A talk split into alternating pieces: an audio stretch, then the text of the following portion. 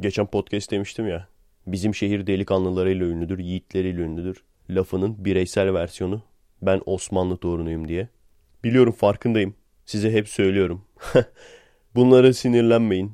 Bu tür insanlar sinirlerinizi bozuyor olabilir ama bu tür insanlardan biri olmak gerçekten onlar tarafından sinirlerin bozulmasından daha kötüdür demiştim. Ama insan gerçekten bazen tutamıyor. Bir de şey var ya mesela. Şimdi kendisinin herhangi bir başarısı olmadığı için tarihten başka birini bulup onunla kıyaslarlar. İşte yeni yıl kutlayanları mesela. Noel Baba şöyleydi ama Nasrettin Hoca böyleydi falan diye. Nasrettin Hoca ne alaka abi? Aslında biliyorsunuz Nasrettin Hoca gerçekte bizim kafadan bir adam.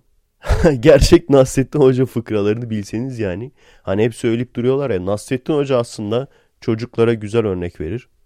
Bir de tabii Atatürk'le kıyaslamak için nedense Fatih Sultan Mehmet'i kullanıyorlar. Yani Türkiye'nin %50'si Fatih Sultan Mehmet'in mi torunu? Bir de nasıl oluyor da nokta atışı bir şekilde Fatih Sultan Mehmet'in torunu oluyorlar.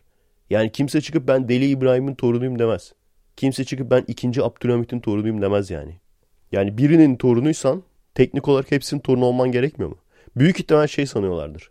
Hani gerçek anlamda babasının babası Fatih Sultan Mehmet öl demişlerdir ona küçükken. İşte böyle şiir falan yazmaya çalışırlar ya. Senin atanın yüzünü dağa taşa kazırlar. Benim atamın yüzünü kalplere kazırlar. Senin atanı kornalarla ağırlarlar. Benim atamı dualarla ağırlarlar. Yazık adam kendi herhangi bir başarısı olmadığı için hayatta tarihten bir kişiyi seçmiş demiş ki ben bunun torunuyum. Neyse şimdi bu arkadaşlara biraz faydalı olmak amacıyla biz de biraz freestyle ata kıyaslaması yapalım. Uzun adam vs Atatürk yaparlar. Onu da yapıyorlar ya. Senin atan otomobile oturur. Benim atam tahta oturur. Senin atan geometri kitabı yazar. Benim atam delikanlılığın kitabını yazar. Senin atan din alimlerini astırır. Benim atam LoL'da level kastırır. Bir de tabii Fallout'a saygı duruşu olarak senin atanın imzası beyzbol topunda yazar. Benim atamsa attan hızlıca sırt üstü düşerek tarih yazar.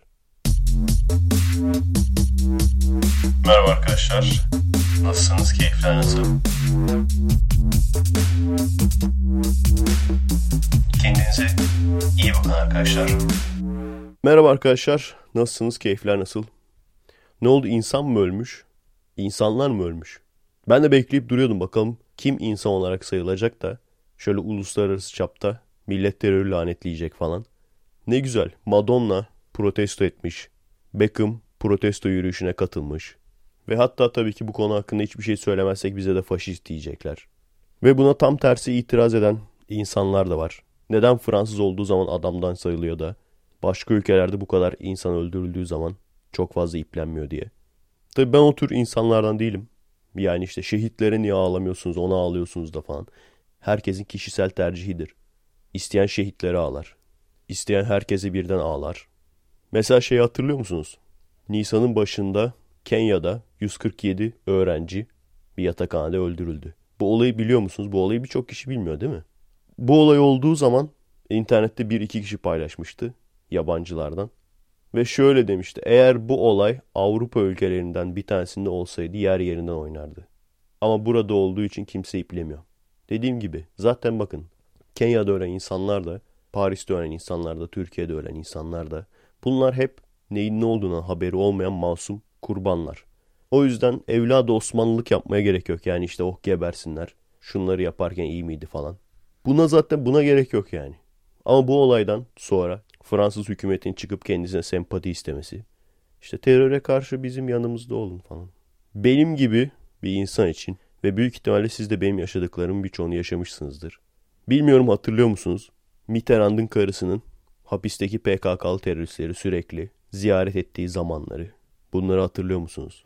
İkincisi PKK'nın yönetim kadrosunun şu anda Paris'te olduğunu biliyor musunuz? Biliyorsunuzdur herhalde. Bunlar komplo teorisi falan değil. Bunlar hep biz ceviz kabuğunu seyrederken gençken stratejik araştırma uzmanları bunları söylüyordu. Tamam mı? O zaman bir sözdü. Ama daha sonra bunu destekleyen birçok şey gördük. Mesela en basitinden Fransa'ya giden arkadaşların hepsinin her yerde PKK standlarının olması, APO'ya özgürlük vesaire türü imza toplamaları. Bunların aynen dernek gibi hani bizim böyle balıkçılar derneği falan olur ya. PKK'lıların bir araya geldiği derneklerin açık açık orada bulunuyor olması ve birden fazla kere de örgüt içi hesaplaşmaların, yönetim kadrosundaki örgüt içi hesaplaşmaların hep burada olması. Hani bizdeki humanist dergiler onları böyle melek gibi çiziyor ya. İşte insan insandır. Bir biz insan değiliz zaten ya amına koyayım. Bir biz insan değiliz. Şu, şu ülkede, şu memlekette. Bir, yani onu hissediyor musunuz arkadaşlar? Kime ne kötülük yaptık biz? Herhangi birine bir kötülük mü yaptık? Ben veya sen. Kişisel olarak kime sen kötülük yaptın? Tam tersi hiç kimseye yavşaklığımız yok. Gidip bu Fransız karikatür dergileri gibi Rusya'nın uçağı düştüğü zaman onlarla dalga geçen karikatür de yapmıyoruz. Onların ölülerin cesetlerini çizip onların üzerinden dalga geçen Rusya ile karikatür de yapmıyoruz. Kimseye bir yavşaklık yaptığımız da yok. Adam gibi bir şeyler oldurmaya çalışıyoruz. Ama bu ne biliyor musun arkadaşlar? Biz üvey insanız. Türk olduğumuz için üvey insanız. Ve başka bir şey söyleyeyim. Hep diyorduk ya lan niye burada doğduk, bu ülkede doğduk, lanet olsun falan. Bak işte sırf burada doğduğumuz için hep önümüze engel çıkıyor falan. Yavaş yavaş ben bunu düşünmemeye başlıyorum artık. Bu adamlardan biri olmak istemezdim açıkçası. Gidip senin insanını öldüren teröriste özgürlük savaşçısı muamelesi yapıp aynısı kendi insanın olduğu zaman teröre karşı bizim yanımızda olmayan. Bu adamlardan biri olmak ister miydiniz? Bu hükümetten, bu insanlardan biri olmak ister miydiniz? Ben istemezdim açıkçası. Ben burada olup, Türk olup bunları karşıma almayı tercih ederim. Sonucu ne olacaksa olsun yani. Bu adamlardan olacağımı, bu adamları karşıma almayı tercih ederim. Dediğim gibi yani gene bu olayın kurbanları. Kurbanlar her zaman için masum insanlar oluyor zaten. Masum olmayanlardan kurban çıkmıyor. Bu işi bahane edip yine ırkçılığa vuran Fransızlar. Çünkü ay bak onlar ırkçılık yapabilir. yani hiç merak ediyor musunuz? Niye? Dünyanın bazı yerlerinde terörist saldırısı olduğu zaman kimse iplemiyor bazı yerlerine ipliyor. Ya açık açık söyleyelim kimse bunu gizlemesin yani. Gene bak televizyonda, medyada, basında kimse bunu çıkıp da söylemeyecek. O yüzden biz söyleyelim. Bazı insanlar bizden daha kıymetli olduğunu düşünüyor. Bu kadar basit. Dünya genel olarak bunu düşünüyor. Dünyayı bu adamlar ellerinde tuttuğu için kafalarında öyle bir düşünce var. Bizim insanımız daha kıymetli. Hani bizim buradaki humanist diyor ya. Ya ne alakası var herkes insandır. Dünya vatandaşıyız bilmem ne. Bak bizim insanımız öldü. Yüze yakın insanımız öldü. Biz burada deseydik ki hadi protesto etmek için Facebook profillerini Türk bayrağı yapalım. İlk başta bu adamlar itiraz ederdi. Faşist misin diye. Yani bakın bu PKK'ya destek vermeleri sadece bir olay değil. Fransa'nın politikasıdır bu. Teröriste teröre destek vermek. Zamanında ETA İspanya'yı bölmeye çalışırken kaçıp kaçıp Fransa'ya sığınıyorlardı. Şimdi ne olduysa şu an tutuklamaya başlamışlar. A teröristler terör yapıyor diye. Ama açın bakın ETA'nın tarihine. 2. Üçüncüsü İran modern bir ülkeyken Humeyni devrimini, Humeyni darbesini yedikten sonra şimdiki halini aldı. Aslında İran insanı bizim insanımız gibi ama baskı altındalar. Yönetimin altında baskı altındalar. İslami yönetimin altında. Bunu sağlayan kimdi? Humeyni darbesi nasıl oldu peki biliyor musunuz? Humeyni kendisi İran'daydı ve aşırı görüşlerinden dolayı Şah'la karşı karşıya geldi. Şah'tan kaçmak için yurt dışına gitti ve hangi ülke buna kol kanat gerdi? Gene Fransa. Fransa'da kaldı aynen bizim FETÖ Hoca gibi. Bizim paralel reis gibi. Bizim paralel reis de Amerika'da şu an kalıp güçlendi ya. Bu da aynı şekilde Fransa'da kalıp güçlendi. Ve daha sonra geri gelip İran'ı şu anki hale getiren darbeyi yaptı. Yani bakın böyle bir hükümetin, Fransa hükümetinin bu tür bir durumda kendisine sempati istemesi ben anca bir kundakçının yanlışlıkla evindeki malzemelerin ateş alması sonucu evinin yanması kadar sempati gösteriyorum. Evet o evin içinde bu durumdan habersiz insanlar vardı. Onlar da yandı ve gerçekten onların bir suçu yoktu. O yüzden evladı Osmanlılık yapmaya da gerek yok. Oh geberdiler falan diye. İyi oldu falan diye. Şuna da inanmıyorum. Hani bizim masum insanımız öldü. Sizin de masum insanınız ölsün ödeşelim falan. Buna da inanmıyorum. Ama bu budur. Dünya üzerinde bir kere daha gördük ki bazı insanlar öz insandır, bazı insanlar üvey insandır. Yani işte profil bayraklarını Fransa falan yapmışlar. Yapabilirler insanlar, yapsınlar. Ama doğru değil, yanılıyorsunuz. Ne konuda yanılıyorsunuz? Hepimiz Fransızız. İşte teröre karşı hepimiz Fransızız. Hayır abicim. Hepimiz Fransız değiliz. Kanıtı da işte bu. Çünkü senin insanın öldüğü zaman Kimse çıkıp hepimiz Türk'üz demiyor. İşte bu. Bu sebep bu yani. Demek ki neymiş? Hepimiz Fransız değilmişiz. Bazılarımız daha Fransızmış. Gaziantep'te işitçiler böyle Allahu Ekber falan diye bağırmış. Onları çekmişler. Ondan sonra demişler ki işte Türkler böyledir. Asla Türklere güvenmeyin. Tabii abi. Çünkü neden? Bazı insanlar ırkçılık yapabilir. Bazı insanlara ırkçılık yapmak onlara hak veriliyor. Siz ırkçı olabilirsiniz. Ki bakın yine yeni önlemler almış Fransa. Göreceksiniz faşizmin ırkçılığın dibine vuracak. Yeni önlemlerde işte bazı hak ve özgürlükler indirgenecek falan diyor. Ne, ne yapacaklar acaba? Müslüman olmayı yasaklıyorlarmış falan. Ne olur ne olmaz abi. Bazen şeyi düşünüyorum arkadaşlar ciddi ciddi. Bu işte Paris'e aşkın şehri falan diyorlar ya. Bunun sebebi ne acaba? Yani çok böyle büyük aşık birisi mi orada yaşamış? Neden yani? Ciddi ciddi acaba hani bizde de böyle bazı kesimler kendini böyle barışçı, hümanist, özgürlükçü, eşitlikçi falan diye yaftalamaya çalışırlar ya. Çünkü kendilerini o şekilde etiketlerlerse kendilerine karşı olanlar da bunun tam tersi işte faşist, baskıcı falan oluyorlar. Acaba bu adamlar da kendilerine böyle bir etiket mi koydu bilerek? Bilmiyorum. Biliyor musunuz arkadaşlar yani Fransa'da yaşayan varsa biliyordur herhalde. Yorumlarda yazarsanız neden Paris'e aşk şehri diyorlar. Kimin aklından çıkmış bu? Çok mu sevişiyorlarmış zamanında? Tarihte çok mu sevişmişler? Tarihte ilk sevişen Paris'te mi çıkmış? İlk mesela ilk eşeğli üreme oradan mı geliyor yani? O zamana kadar mitozla bölünüyormuşuz. İlk eşeğli üreme Paris'ten çıkmış. Ay gerçekten komik değil mi? 2006 yılında Ermeni soykırımını inkar edenlere ceza verme yasası ya. Yani tepkinizi anlayabiliyorum arkadaşlar. İsyanınızı da anlayabiliyorum. Bunu ölen insanlara yönlendirmemek lazım. Bir mesajım da Fransa'ya. Fransa hükümeti beni dinlediğini biliyorum. Acın için üzgünüz ama 100 kişinin ölmesi bizim burada 3. sayfa haberidir. Öyle bakar aa 100 kişi mi ölmüş deriz geçeriz. Bizim için teröre kurban giden insanlar, şehitler bunlar bir rutindir. Bunlar 3. sayfa haberidir. Son bir senede iki senede teröre kurban giden Fransa'daki insanlarla bir de Türkiye'deki insanları karşılaştıralım. O zaman anlarsın. Ama bizde böyle 5 kişi 10 kişi 5 kişi 10 kişi olduğu için her gün mesela 5'er kişi olduğu için fazla insanlar iplemez. Bakar a 5 kişi ölmüşler geçer. Sadece ölenler de değil bizim hayatta kalan askerlerimiz de nöbet tutarken hepsinin ağzına sıçılır. Ayazda, dağın başında, tek başına herkes uyurken etrafında hiç kimse yok 2 saat 3 saat öyle nöbet tutmaya çalışan ve bunun haricinde yine çatışma görmüş arkadaşları yanında ölmüş insanlar. Yani bizim bu kadar şehidimiz varsa bunun belki kat kat daha fazlası travma geçiren askerimiz de var. Bunları zaten hiç kimse umuruna takmaz. Veya kolunu bacağını kaybedip de işte yaralı diye. Beş asker yaralandı. E bacağı gitti adamın. Yaralandı abi. Sanarsın ki böyle parmağını çizmiş şeyde. Kağıtla parmağını çizmiş yanlışlıkla da uf olmuş. Bunlar olduğu zaman bize derler ki fazla laf etme. Bak işte doğuda şu oluyor. Öteki tarafta bu oluyor. Şu kadar sene önce işte bunu yaparken iyi miydi? Bilmem ne şunu yaparken iyi miydi faşistler? Hani biz dediğimiz zaman abi hani insan insandı falan bize tepki gösterirler. Ki tabii ki bunlara tepki olarak Türk bayrağı koyduğumuz zaman yine faşist oluruz. Milliyetçilik işte neydi? Ne diyorlardı abi? Milliyetçilik köpeklik gibidir. İşte köpekler işeyerek ağaç altına bölgelerini belli etmeye çalışıyor. Diyenlerin hepsi şu an Fransız bayrağını koydu ama o ayrı mesele. Fransız milliyetçiliği kötü değildir. Milliyetçilik kötüdür de Fransız milliyetçiliği kötü değildir.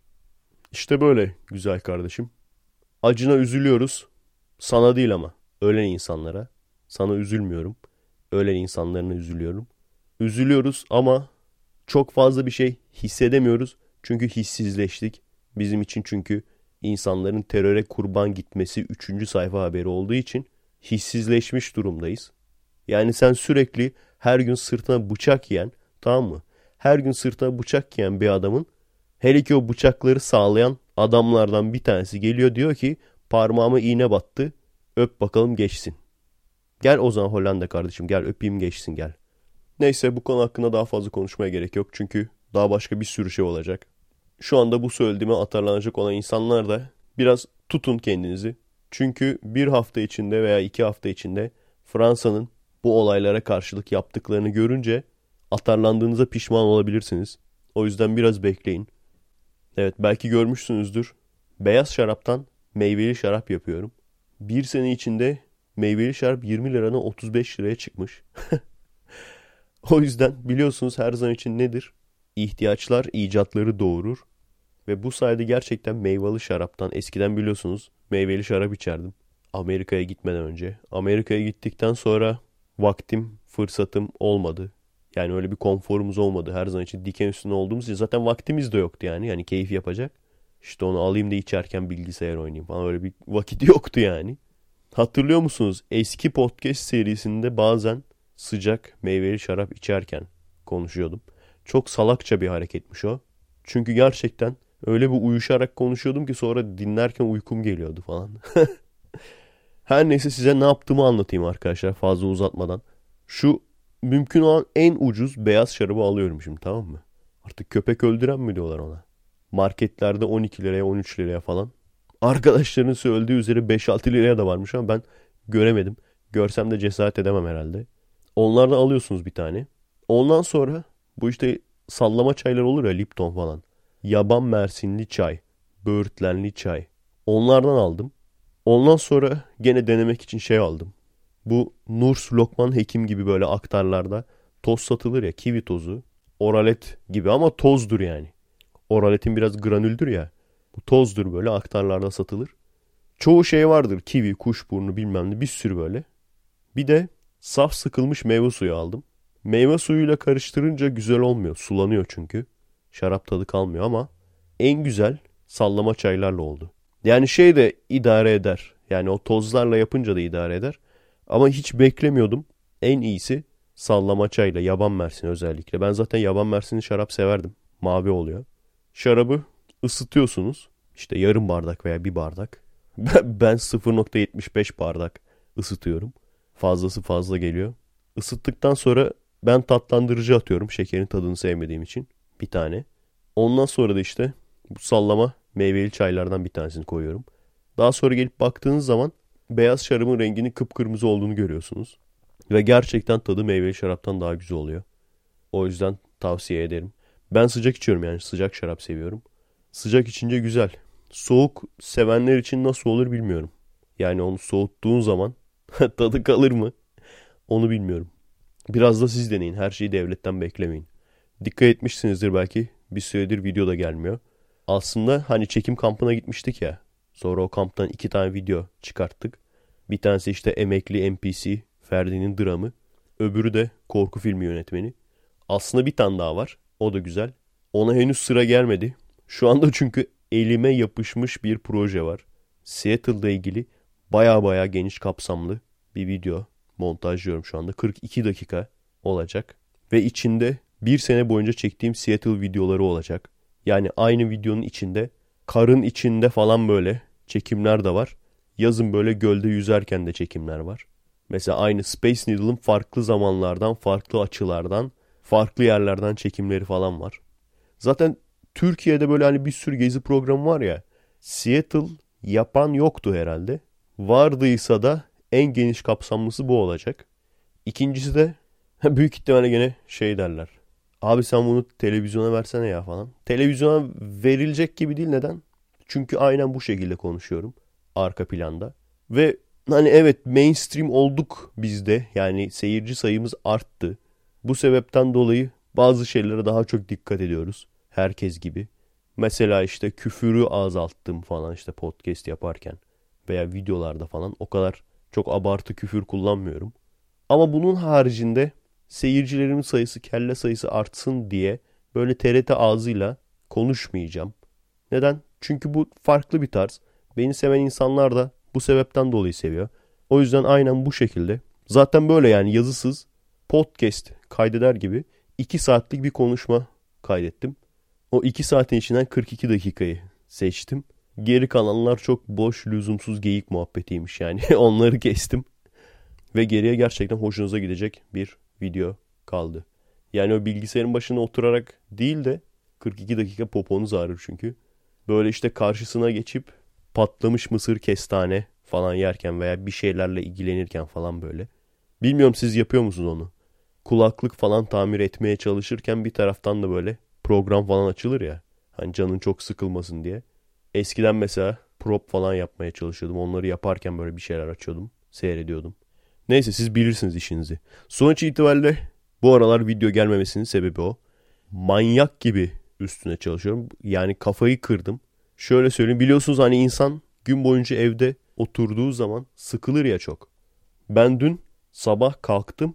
Kahvaltıyı yaptım. Ondan sonra direkt videonun başına oturdum. Yapıyorum yapıyorum bitmiyor. Bak spor mupor hiçbir şey yapmadım. Evden dışarı bile çıkmadım. Ekmek bile almaya gitmedim ya. Bugün yani ekmek bitmişti. Ekmek almadım. Bugün gittim sabah simit aldım da geldim. Onu yedik. Çünkü olay neye döndü biliyor musunuz? Hani aynı proje üzerinde çok çalışınca sıkılırsınız ya beyniniz sulanır ya. Bu artık hırsa döndü yani. Hani bilgisayar oynarken böyle hani level'ı geçemeyince çıldırırsın ya. Geçemedikçe daha çok oynayasın geri falan. Bu da aynı şekilde yani. Yap yap bitmiyor ya 42 dakika anasını satayım. Daha montaj bile bitmedi. Az kaldı. Hani belki bir gün içinde falan biter. Ama montaj bittikten sonra daha sahne sahne color grading var. Oo. Bir de şeyi düşün yani bir sene içinde çektik ya. Işıklar falan birbiriyle çok alakasız. O yüzden sahne sahne değiştirmen lazım. Çıldırırsın. Bu arada çıldırırsın lafını şeyden aldım sanıyorlar. Kardeş grup bura diye bir grup var. Orada aldım sanıyorlar. Yok arkadaşlar hani eskiden böyle inciciyiz falan diyorduk ya. İncide şu an hala şeyim vardır. Hesabım vardır ama oralara artık girmiyorum. Çünkü bir noktadan sonra artık ergen yuvasına döndü. Buraya o yüzden hiç girmedim baştan yani. Hani yaşımız artık ilerlemiş öyle yerler için. Sadece işte birisi beni eklemiş. Ben farkında bile değilim. Birisi eklediği için baktım biraz. O kadar. Çıldırma lafı aslında şeyden geliyor. Bülent Kaya baştan geliyor yani. Yanlış olmasın. Yani o arkadaşlar nereden aldı bilmiyorum da ben Bülent Reis'den aldım. Evet. Aslında bugün için konuşmak istediğim bir tartışma konusu daha vardı. Ama enerjim gittikçe azalıyor. Zorlama yapmak da istemiyorum.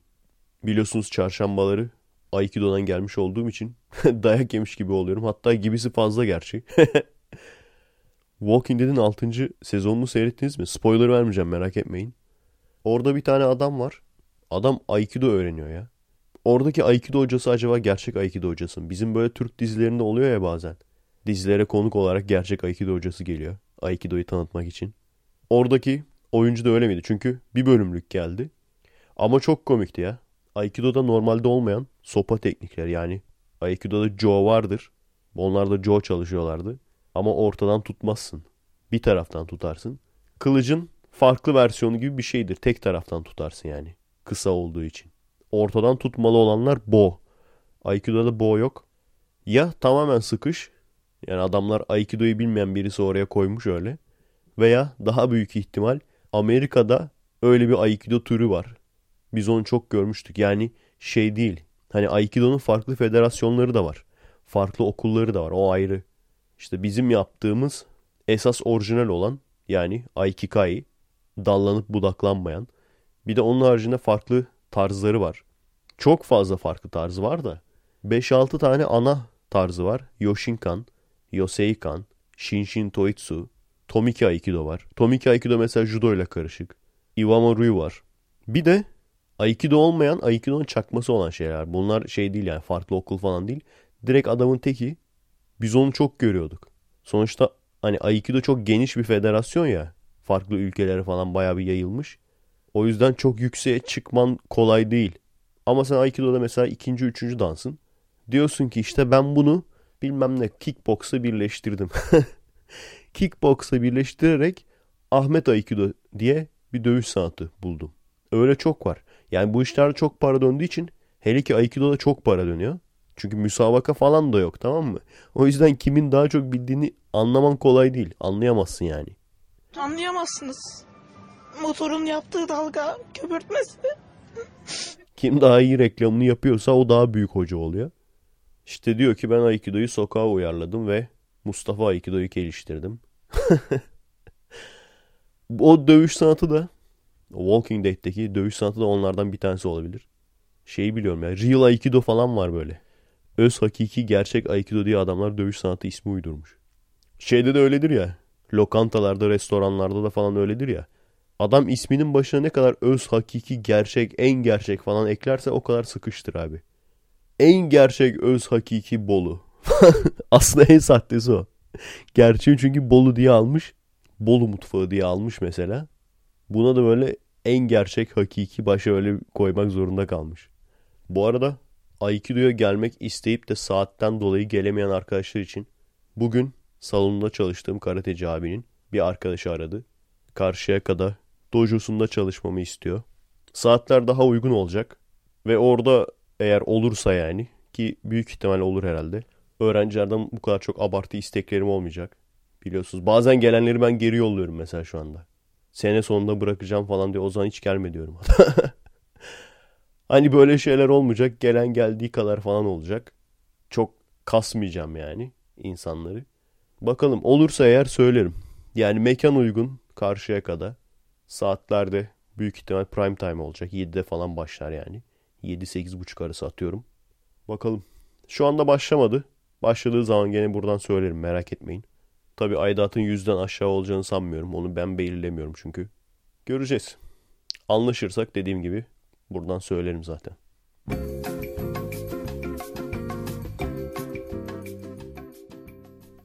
Evet, Perşembeden merhaba arkadaşlar.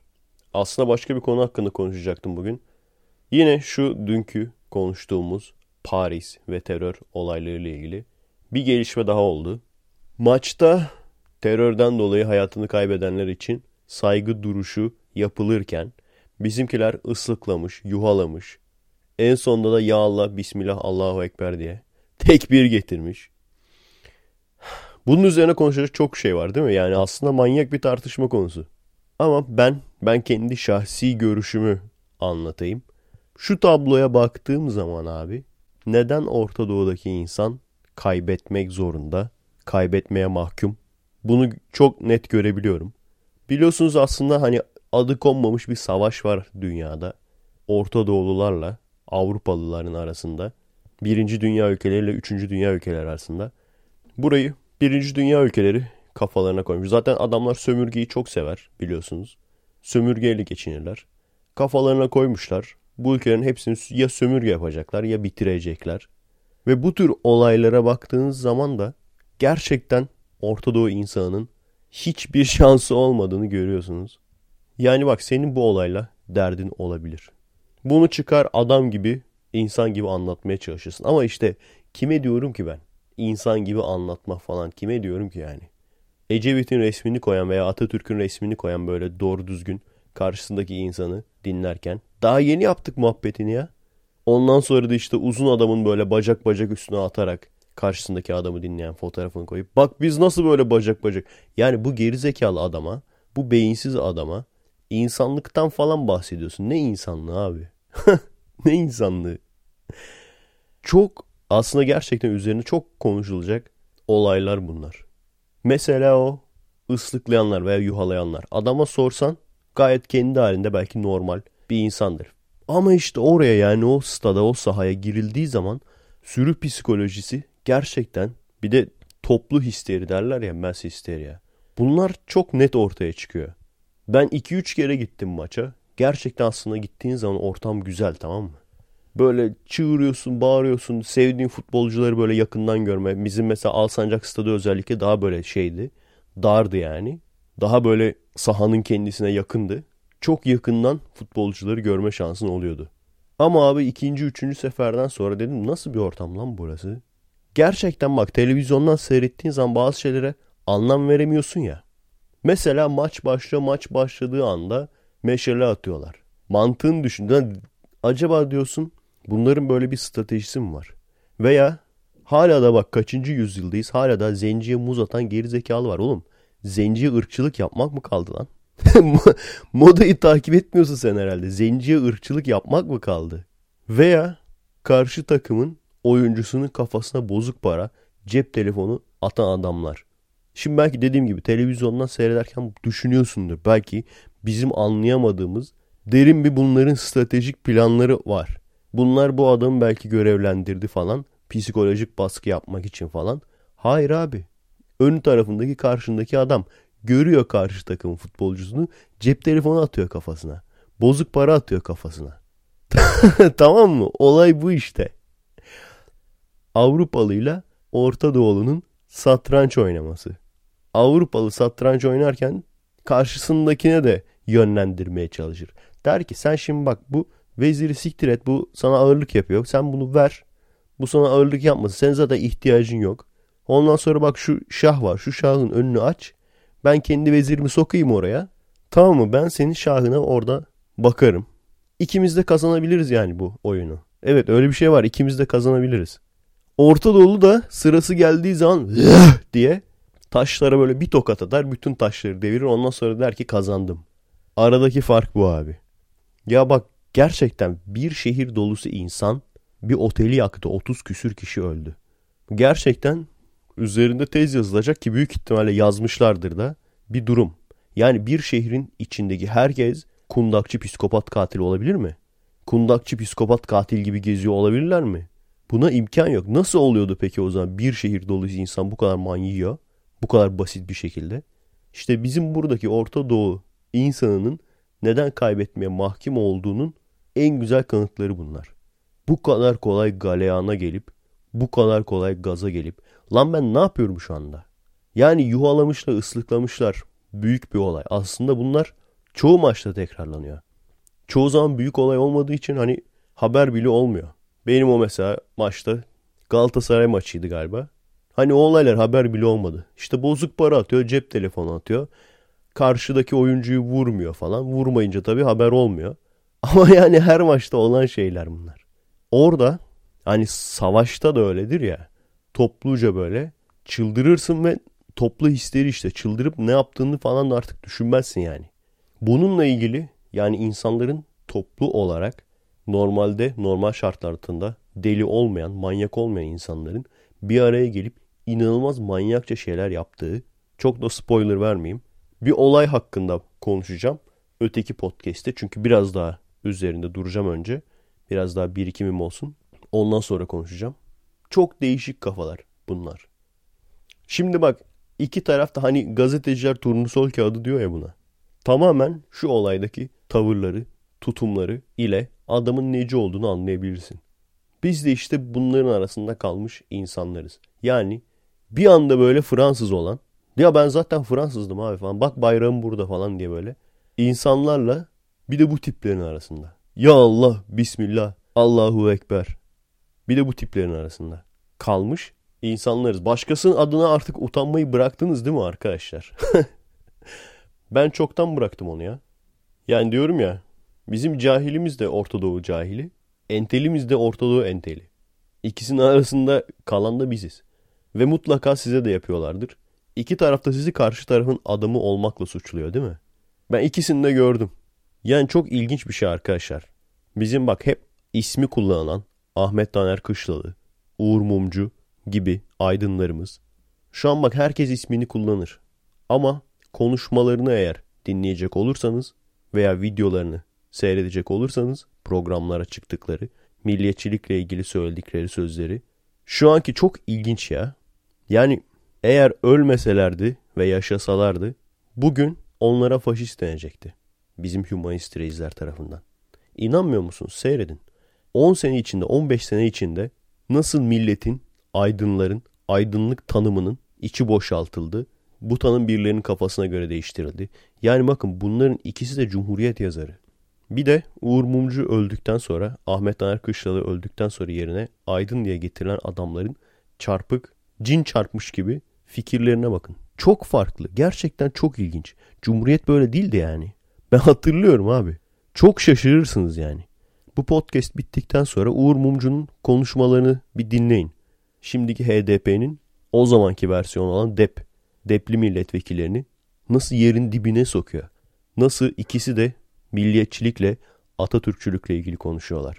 Şimdiki Cumhuriyet'e bak, şimdiki CHP'ye bak. İlginç değil mi arkadaşlar?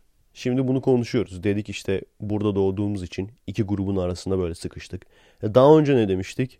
Avrupa'da da bu tür insanların arasında doğmuş olmayı, yaşamış olmayı istemezdim.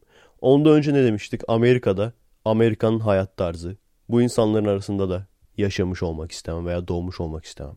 Gerçekten aslında bir bok yok bu dünyada ya. Bu dünyada bir bok yok yani. Şeyi merak ediyorum acaba böyle Japonya falan nasıl? Gene bak olay Japonya'ya geldi. Ciddi ciddi acaba oraya gittiğin zaman böyle Bunlardan böyle sıyrılmış, fazla bunları kafasına takmayan. Öyle bir yer mi acaba? Gerçekten arkadaşlar yani ya rastgele bir yere git. İspanya'ya git. Orada da bölücüler var. ETA, Bask. Fransa'ya git zaten terörist yuvası. Belçika gene aynı. Hollanda aynı. Nereye gideceksin anasını satayım? Hollanda biraz daha iyi diyorlar o konuda ama İngiltere, İngiltere'de ayrı şeriat mahkemeleri var. Ne kadar sözleri geçiyor onu bilmiyorum da öyle bir şey var yani. Hani dine saygı olarak Müslümanlar kendi şeriat mahkemelerinde birbirini yargılasın. Nasıl ya ciddi ciddi kelle falan kesebiliyorlar mı acaba? Herhalde kesemiyorlardır ya o kadar da abartı değildir yani. Ama hadi o olmasa bile sürekli görüyoruz. İngiltere'yi tehdit ediyor şeriatçılar. İngiltere'nin içinde. Ülke kalmadı ha. Avustralya'nın tam üzerinde ozon tabakası delik. Orta Doğu zaten sürekli birbirini yemekle meşgul. Diyorum ya o yüzden işte kaybetmeye mahkumuz. Adamlar çünkü Avrupa veya Batı diyeyim genel olarak haksız oldukları zaman bile kendilerini çok güzel haklı olarak gösterebiliyorlar. Göstermesini biliyorlar yani. Bizim buradaki humanistler de ondan almış biraz. Ne kadar sıfat varsa kendilerini yakıştırıyorlar ya. Oradan almışlar. Almanya'da oynanacak olan dostluk maçı iptal olmuş. Terör paranoyası diye yazıyordu. Size çok acayip bir paranoya türü söyleyeyim. Kesin sizde de vardır yoksa şimdi olacak. Özellikle de şu anda karanlıksa ve tek başınızaysanız bazen böyle yemek yiyip de yattığın zaman falan şey olur ya hani ortada korkacak bir durum olmaz ama o yediğin şeyden dolayı sebepsiz bir korku vardır yani içinde. Kendini korkutacak bahane ararsın. Hep şeyi düşünürdüm ben. Böyle pencereden dışarıya bakıyoruz ya bazen balkon olur. O zaman daha korkunç. Balkonun böyle cam kapısı. Bir anda dersin şuradan böyle bir kafa çıksa pencereden içeriye bakan. Altına sıçmaz mısın? Özellikle de yarı uyur, yarı uyanık durumdayken. Şimdi aklınıza getirdim. Yatarken ona bakarsınız artık. Yataktan mesela pencereye bakıyorsun. Pencerede bir anda böyle bir kafa belirse içeriye doğru bakan, insan mı değil mi belli olmayan böyle. Onunla ilgili bir SCP bile vardı. Demek ki insanlar çok korkuyormuş o durumdan da o yüzden böyle bir yaratık bile uydurmuşlar. Ama olay şu. Mesela o yaratık pencereden dışarıya bakıyor ama sen mesela dışarı baktığın zaman dışarıda bir şey yok. Pencerenin kendisinde yani. Pencerede sadece. Pencereden içeriye bakıyor böyle. Neyse arkadaşlar bugünkü podcast'te bayağı alevlendik. Bir sürü kişinin bir sürü insanın yaptığı şeye alevlendik çünkü. Aslında benim diyecek çok şeyim vardı da şimdi bu yeni olaylar olduğu zaman bir de onlara sinirlendim. Ulan insan neye sinirleneceğini şaşırıyor ya. Seçmek zorunda kalıyorsun. Şuna mı sinirlensen buna mı sinirlensen falan diye. Seçmek zorunda kalıyorsun. Neyse. Size demiştim ya yarın bir tartışma konusu hakkında konuşmak istiyorum diye. Bir arkadaş şunu sordu. Mesela dünya yuvarlak diyoruz ama ya bu bize söylenen bir hikaye ise? Bunu işte çocukluktan beri duyduğumuz için doğruluğuna inanıyoruz. Ama bunun gerçekten doğru olduğunu nasıl anlayabiliriz? Tabii o sadece bir soru sordu ama esasen bunu geniş kapsamlı da düşünebiliriz. Mesela Titanic battı diye herkes birbirini anlatır. Bunun gerçek olduğunu nasıl bilebiliriz? Nasıl kanıtlayabiliriz kendimize? Yani dinozor diye bir şey hiç yok diyen, tamamen dinozor inkar eden insanlar vardır. Derler ki işte dinozorlar bize anlatılan masallardır. Şimdi bunu düşünecek olursak arkadaşlar gerçekten güzel bir tartışma konusu. Çünkü hep ne diyoruz? Sorgulamamız lazım. Hiçbir şeyi böyle peşin peşin kabul etmememiz lazım. Ama o zaman da düşünecek olursam bunların hepsini bu şekilde sorgularsak o zaman da hiç ilerleyemezsin. O zaman ne yapacağız? Veya ne yapıyoruz yani? Ben ya herkesin büyük ihtimalle kendi tercihi, neyi sorgulayacağı, hangi gerçeği sorgulayacağı, neyi sorgulamayacağı. O yüzden ben mesela şunu anlayabiliyorum. Biz hani hep diyoruz ya işte dini sorgulayın. Bu anlatılan hikayelerin aslında gerçek olmadığını fark edeceksiniz falan. Ama birçok insan var ki hayatında hiçbir değişiklik olmayacak ki. Yani dinin gerçek olup olmaması hayatında hiçbir değişiklik yapmayacak. Ya emekli olmuş kahve ile cami arasına gidip gelen adama o adamı artık dinsiz yapsan ne olacak? Kahveden kahveye mi gidecek? Aynı şekilde bizi direkt olarak etkilemeyen olaylarla da çok fazla ilgilenmememiz aslında doğal. Çünkü gerçekten hepsiyle ilgilenmeye çalışırsan kafayı yersin. Titanic mesela. Hani böyle bir hikaye var diyoruz.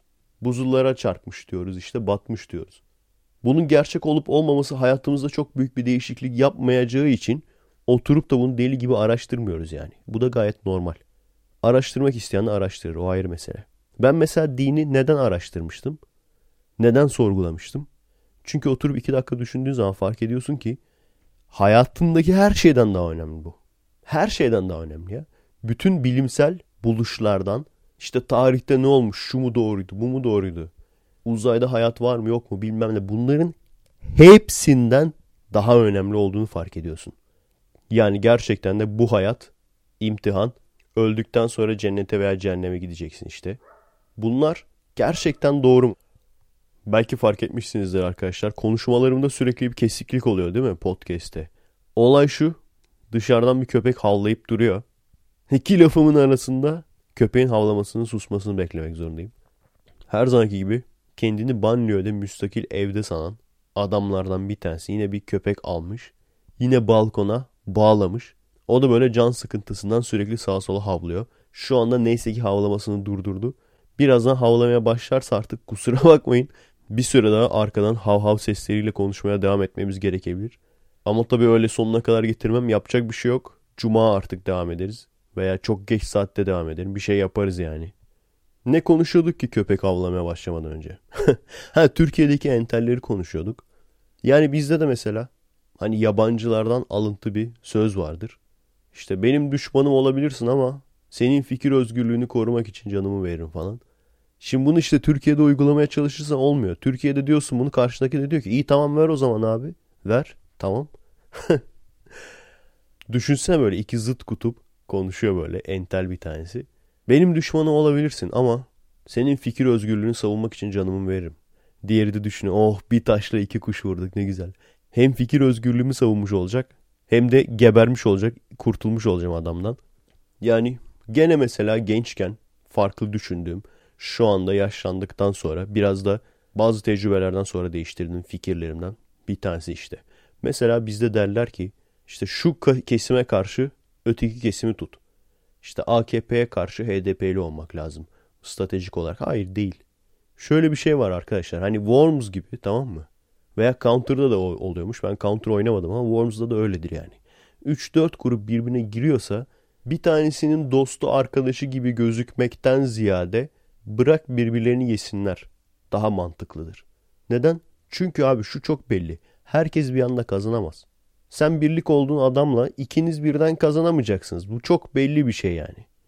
Risk oynarken de öyledir. Orada da öyle derler ya abi gel biz ikimiz bir olalım şunlara saldıralım falan. Ey çok güzel iki kişi kazanabilir mi oyunu? Hayır kazanamaz. Bir kişi kazanır. Demek ki bu da ne anlama gelir? Demek ki bir noktada mutlaka zorunlu olarak adam seni sırtından vuracak. Yani o sana kanki diyen adam. Biz bunu anlayamıyoruz işte. Vuruyorlar mı? Vuruyorlar defalarca kere hadi şunlara karşı biz ikimiz birlikte olalım diye adam seni defalarca kere sırtından vurdu mu vurdu. Ama biz hala da bu oyunu yiyoruz yani. O yüzden çok güzel bir oyun bence risk. bir tane arkadaş vardı. Çıldırtıyor. O Memento arkadaş dediğim arkadaş işte. Yeni yılda hadi dedik risk oynayalım. Öyle girelim yeni yıla. Gittik. Al köpek avlamaya başladı. Havlasın abi istediği kadar. Ben zaten şu an geyik muhabbeti yapacağım. Ciddi bir şey anlatmayacağım için köpek avlayabilir sorun yok. Hem bakalım arkadan duyuluyor mu kayıtta. Onu da görmüş oluruz. Hav hav. Nasıl duyuldu mu? Her neyse böyle sözümüz kesile kesile bu şartlar altında devam edeceğiz arkadaşlar. Ne diyorduk? Risk oynamak için yeni yılda arkadaşlarla buluşmuştuk tamam mı? Geldik şimdi salona geçeceğiz salonda oynayacağız. O işte gittiğim öğrenci evi arkadaşın evi dediğim öğrenci evi aslında kira. Onun da işte ev arkadaşı var. Hep öyle olur ya. Onu çok yaşamışsınızdır. Arkadaşınızın böyle bir grubu olur 3-4 kişilik. Bir de onun ev arkadaşının ayrı bir arkadaş grubu olur falan. Ayrı ayrı eğlenirler. Şimdi bizim arkadaşın ev arkadaşı da hava atıyor tamam? Biz böyle full erkeğiz ya. O da diyor ki ya diyor işte istersen salonu biz geçelim diyor. Veya istersen böyle yarı yarıya da paylaşabiliriz. Bize çünkü kızlar gelecek de diyor. Hani kızlar geleceği için Böyle işte parti oyunları falan oynayacağız. Hani sizi böyle rahatsız edebiliriz falan. Alkol tüketeceğiz falan. Hani böyle rahatsız edebiliriz. Ha. Ayak yapıyor tamam mı? Hani aklı sıra bizi kıskandıracak. Neyse biz oturduk abi. sap başımıza. Riski falan kurduk. Bunun böyle kız arkadaşları geldi. Tabii o zamanlar HDP'li Merve diye bir şey yok tamam mı? Bir geldiler abi 3 kişi. Jin, Jian, Azadi. Bayan Öcalan var ya isim vermeyeyim şimdi. Biliyorum beni takip ediyor çünkü. Onun böyle metalci gotik giyinmiş versiyonlarını düşün. Geldiler orada. E tamam eyvallah sevebilirsin beğenebilirsin de hava hava atıyorsun ya. Yani bak iki dakika bir düşün ben neyle hava atıyorum diye. Şimdi iyi anasını satayım. Şimdi HDP'li Merver oh çıtır çıtır. Humanist humanist. Diyorum ya adam şey falan yapıyor böyle. Gel sana diyor gezideki çatışma fotoğraflarımı göstereyim. Uydurma değil ha gerçek bu. Şimdiki gençler yaman vallahi. o zamanlar şey vardı. Komünist Merve vardı. Yani gene böyle kolej kızı. Annesi babası acayip saçma sapan lüzumsuz zengin yani. Ama işte biz komünizmi, solculuğu savunuyoruz falan. Onlar işte evrim geçirdi. Çok net görebiliyorsun o evrim yani. Hani sol komünist partiler ayrıydı çünkü. Bir de ondan ayrıca DEP, HADEP, DEHAP bilmem ne bunlar vardı tamam mı? Bunlar ayrıydı yani. Neyse. Şimdi siz o zaman daha çok kıskanıyorsunuzdur değil mi? Neyse abi riski anlatıyorduk. Bir tane saf arkadaş vardı işte o memento arkadaş dediğim. Ya oynayamadık. Her önüne gelen, her tur kendisine gelen bu adamı kandırıyor. Her söylediğine de eyvallah diyor ya. Oğlum herkesle birlikte müttefik olacaksın? Bir tek ben söylemiyorum tamam mı? Birine sıra geliyor diyor ki abi gel diyor biz ikimiz olalım şuna saldıralım. Ötekine sıra geliyor abi gel diyor sen ikimiz o bir olalım ötekine saldıralım falan. En sonunda beni bitirdiler rahat ettiler yani anasını satayım. Ondan sonra da ikisi bir olup o arkadaşa girdiler. Hadi bakalım. yani arkadaşlar buraya nasıl geldik hatırlamıyorum. Ama sonuçta işte şu bir düşmana karşı biz ikimiz bir olup dost gibi gözüküp şunu yapalım falan. Bunlar yalan işler yani. En güzeli bak en mantıklısı 2. Dünya Savaşı'nda Sovyetlerle Amerikalılar birbirleri çok fazla muhatap olmadan Nazilere daldılar. Biter bitmez hemen soğuk savaş başladı ondan sonra. Avazan ve sap muhabbetlerinden girmişken şeyi de hatırlıyorum. Gene başka bir yeni yıldı. Hep yeni yıllarda denk geliyor nasıl oluyorsa. Bu sefer de bizim gruptan bir arkadaş tamam mı? Arıyor böyle. Ya diyor kusura bakmayın geç kalacağım. İşte kızlarla yeni yıl partisindeyim şu anda falan. Ev partisi yapıyoruz kızlarla falan. İyi dedik tamam. Ondan sonra işte her neyse geldi. Abi dedi 2-3 tane erkek vardı full kızdı ya falan manyak bir yerde. Öyle öyle bölümler var ya. %90'ının kız oldu falan. Bu eleman da herhalde öyle bir yere denk gelmiş. Adam ondan sonra partiden fotoğrafları gösterdi. Şey böyle. Feministlik ve Menopoz El Sanatları Derneği. Sevebilirsin. E, eyvallah. Ama hava atmak apayrı bir şey. Hava atıyorsan değsin biraz ya. Bir acun falan ol yani. hava atacaksan. Feministlikten ölen kızlar derneği. Ya şey falan vardır ya böyle işte. Kadının cinsel obje olmasına karşıyız. Bizi cinsel obje yapamazsınız. Farkındayım seni cinsel obje yapamayacağımızı zaten. Seni cinsel obje yapmaya dünyanın bütün photoshopları yetmez lan. CS kaç çıktı? Photoshop CS 6 mı çıktı? Photoshop CS 100 falan çıkması lazım. Bizi cinsel obje yapamayız tabii. Nasıl yapacağız? Nasıl yapacağız yani? Nasıl yapacağız abi? Nasıl olacak o iş? Photoshop'un üzerine bir de vodka falan dökmen lazım. Geçen hafta İlber Ortaylı'nın bir konuşması vardı. Evrimi kabul etmek çok önemlidir diye. Bu insanlar tam geçiş evresi insanlar. Yani yaşlarından dolayı. Mesela şey de var. Uğur Dünler da gene böyle. Hani bizim dinimizde bunlar yoktur diyen. Bunun bir sonrası biz oluyoruz işte. Bir alt kuşak biz oluyoruz. Köpek avlayıp da sözümü kesmeden önce onu anlatmaya çalışıyordum. Yani hayatta gerçekten aslında her şeyi bırakıp bizi doğrudan direkt etkileyen bu din ve bu imtihan denilen olay gerçek mi değil mi? Gerçekten her şeyden önemli bütün buluşlardan, icatlardan daha önemli aslında. Bu olay gerçek mi değil mi? Oturup düşünecek olursan yani. Uğur Dündar dedik işte mesela. Uğur Dündar'ın şöyle bir programı vardı. İşte çocukları okuldan alıyorlar, teneffüse çıkartıyorlar öğretmenler. Ve ondan sonra camiye götürüp namaz kıldırıyorlar. Bunu böyle işte gizli kamerayla falan yakalamış. Tızın falan diye gösteriyor böyle. Ondan sonra da bir Şakirt komedyen vardı. Bak güldüm. Şakirt komedyenin lafına yani Şakirt komedyen lafına gülüyorsunuz zaten. O, o kadar yani. Adamın pek bir espri yeteneği yok. Hiçbir espri yeteneği yok daha doğrusu. Kendi kesimini güldürüyordur gerçi de. O da çıkıp bununla dalga geçti. Sen dedi Müslüman olduğunu söylemiyor musun dedi. Tamam söylüyorsun. O zaman dedi eğer Müslümansan çocuklar orada İslam'ın şartlarından birini yerine getiriyor. Düşünecek olursan evet öyle. Bu eğer gerçekse herhangi bir dünyevi bir eğitimden daha önemli. Yani bunu kabul edelim arkadaşlar. Bu eğer gerçekse bu din gerçekse eğer buna inanıyorum diyorsanız çocukların namazını kaçırmaması her şeyden daha önemli. Sorun burada. Mesela bunu Uğur Dündar'a söylesen ne cevap verebilir ki? Verecek ne cevabı var yani? Dediğim gibi yani doğdukları zamandan kaynaklanan modern dindar kişi olarak hani tam bir geçiş e, dönemi bu gazetecilerimiz veya aydınlarımız. Hulki Cevizoğlu'nda aynı şeyi görüyordum. Ve onun için de aynı şeyi diyordum. Ama şimdi son dönemleri gelindiği zaman çok fikirlerin değiştiğini gördüm. Dine karşı konuşmaya başladı. Çok ilginç yani. İlber Ortaylı gene aynı şekilde. Bakalım bakalım ölmeden önce dinsiz yapabilecek miyiz onu? Bölüm sonu canavarı. Şeyi mesela biliyor musunuz bilmiyorum. Bizim 19. reis var ya. Onun çocukları dinsiz. Çok net belli çünkü o da mesela bir ara geçiş. Çünkü hani kendisi bazı şeyleri inandırmış kendisine. Bir sonucu önceden varmış ve o sonuca varabilmek için de bazı bulgular bulmuş. O bulguların üzerinde işte durmaya çalışıyor o kadar. E ama bunu başkasına gösterdiğin zaman işte başkası bunu sorgulayacak ve kafasına yatmayacak haliyle. Senin elinde kılıç var mı? Yok. Kılıçla kimseyi fethedemezsin. O yüzden genişleyemezsin. Senin elinde çok fazla para da yok. Medya gücü de yok.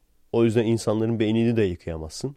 O yüzden o düşünce 19'un gizemi falan büyük ihtimalle o kuşakta bitecek. Ondan sonra devam ettirecek birinin çıkacağını sanmıyorum. İlber Hoca da konuşmasında ne diyor?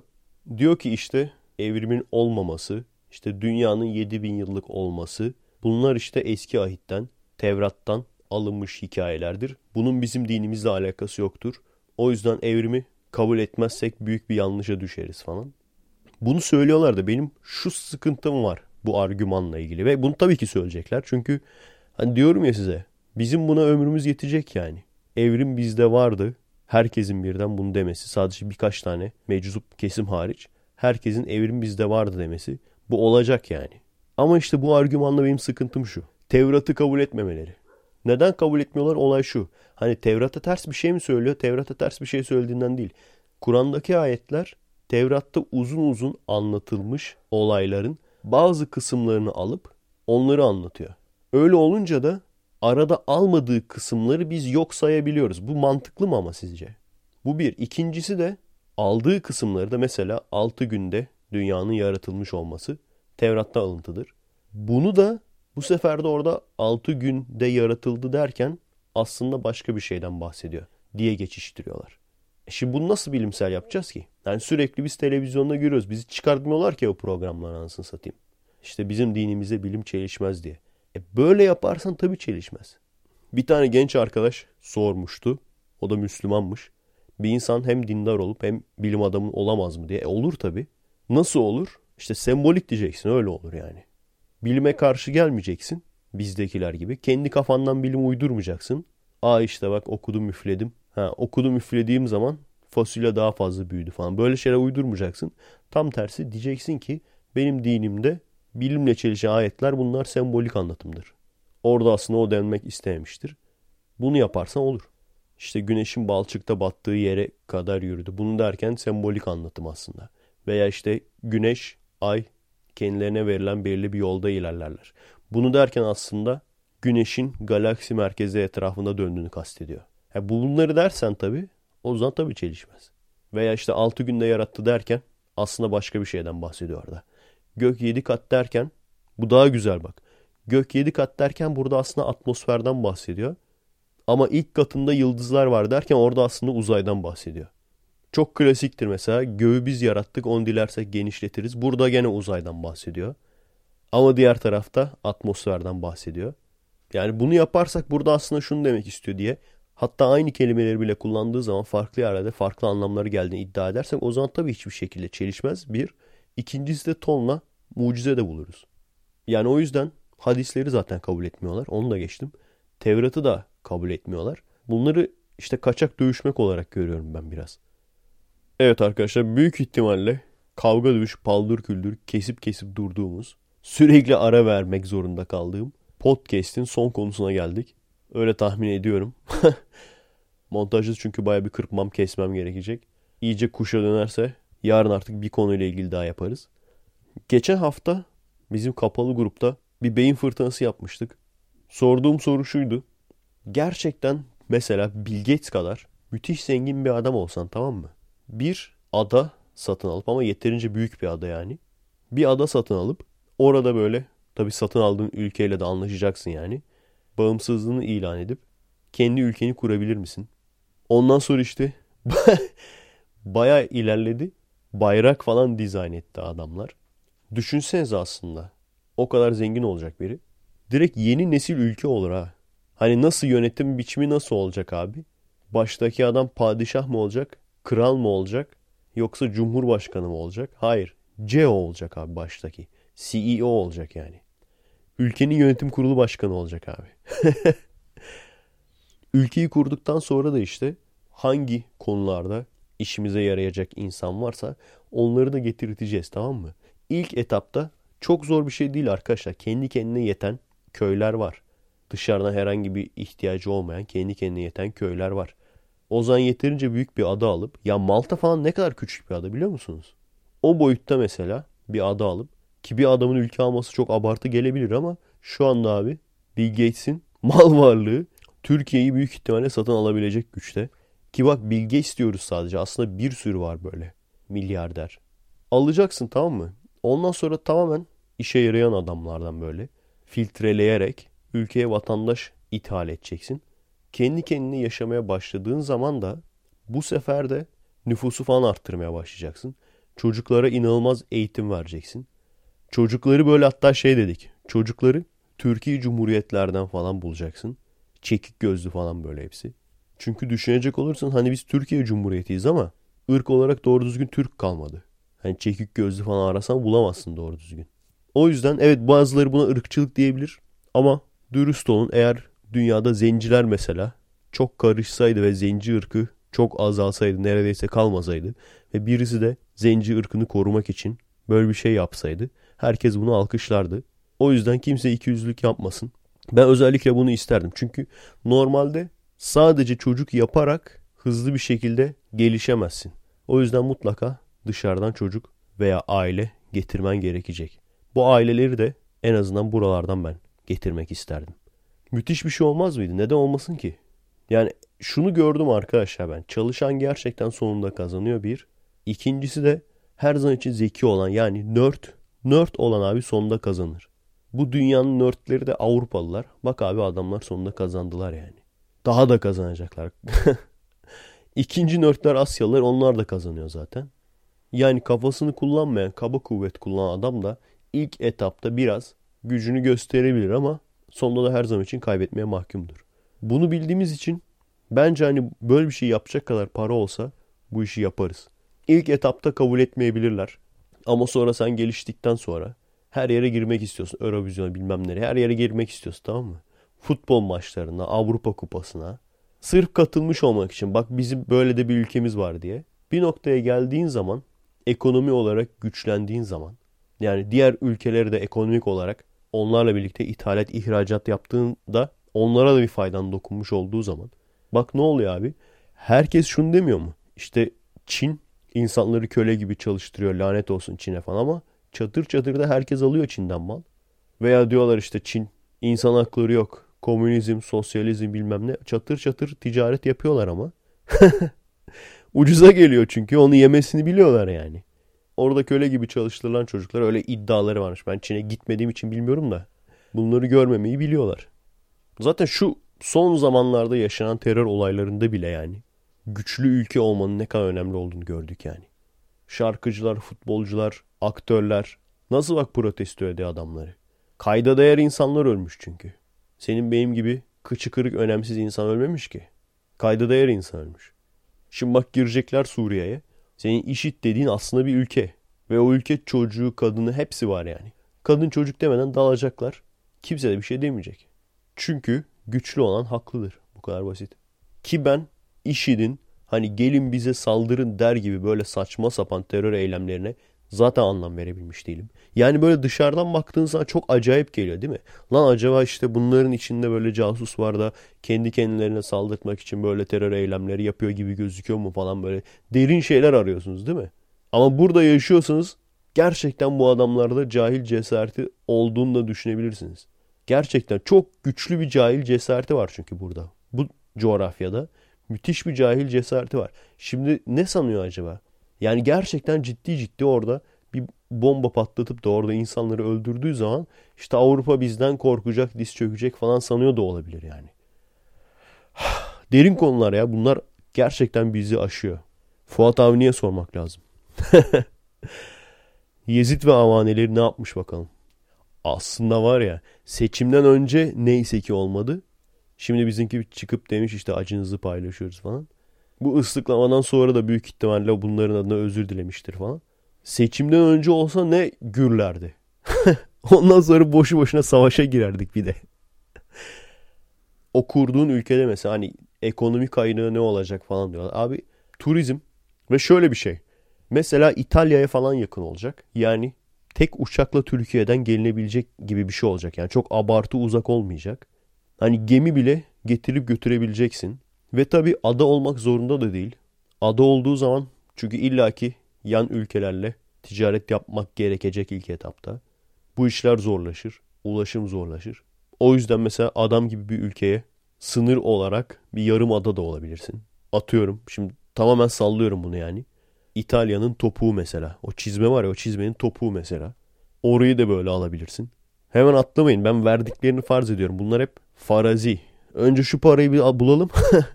Önce bir Bill Gates kadar zengin olalım. Gerisi kolay. Tek sıkıntı o yani. Bir Bill Gates kadar zengin olduk mu tamam.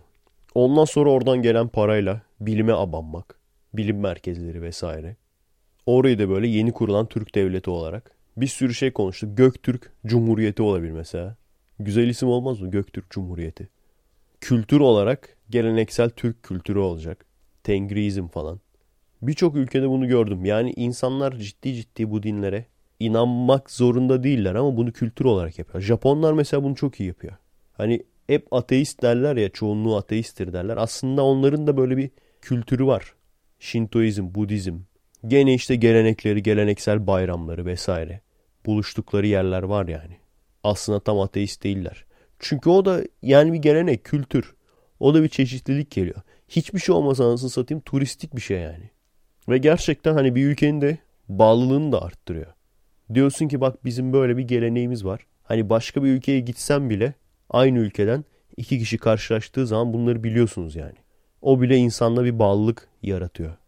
Hep şey diyordum ya hani ben başa gelsem ülkeyi şöyle değiştiririm falan. Ondan sonra abi çok düşündüm. Gerçekten biz bu coğrafyada olduğumuz sürece çok zor ya. Sıkıntı coğrafyada. Sonuçta Atatürk yöntemiyle Böyle sıfırdan bir ülke kursam, paran da olsa yani, direkt coşturursun ülkeyi. Evet, bu hafta böyle paldır küldür bir podcast oldu kusura bakmayın. Defalarca kere odaya girdim çıktım. Defalarca kere kesildi falan. Haftaya daha derli toplu bir podcast'te görüşmek üzere. Unutmadan arkadaşlar hemen şunu da söyleyeyim de. Hani yeni bir yerde Aikido'ya başlayacağım. Anlaşırsak falan diyordum. Anlaştık abiyle. Olay şu. Salı ve perşembeleri olacak. Saat akşamüstü 7 ile 8.30 arası olacak. Aydat 100 lira. Yani direkt bu salı bile var. Diyeyim. Karşıyaka İzban'a yakın. O yüzden isteyen İzban'la isteyen vapurla gelebilir. Veya isteyen otobüste gelip işte Karşıyaka iskelenin orada inip gelebilir. Ve hatta isteyen minibüste de gelebilir. Çünkü minibüs durağına da yakın. Ve tabi diğer yerde olduğu gibi çok abartı beklentilerim yok. İşte devam edecek gibi olsun falan. Bayan veya işte yaşlı olmasın falan. Hayır isteyen gelebilir buna. Bu biraz daha böyle herkese açık olacak. Parası olan herkese açık tabii. o yüzden açıklamaya bir link koyacağım. Orada detaylı bilgiler yazar. Dediğim gibi gelmek isteyen, başlamak isteyen salı veya perşembe saat 7'de açıklamadaki yere gelebilir. Adresimiz youtube.com bölü kommek twitter.com bölü commag daha sık ve kaliteli video çekmemize destek olmak isteyen arkadaşlar için patreon.com bölü Efe Aydal. Beğendiğimiz videoları paylaşmayı unutmuyoruz. Kendinize iyi bakın. Yeni kurduğumuz ülkeye emanet olun. Merhaba arkadaşlar. Nasılsınız? Keyifler nasıl? Kendinize iyi bakın arkadaşlar.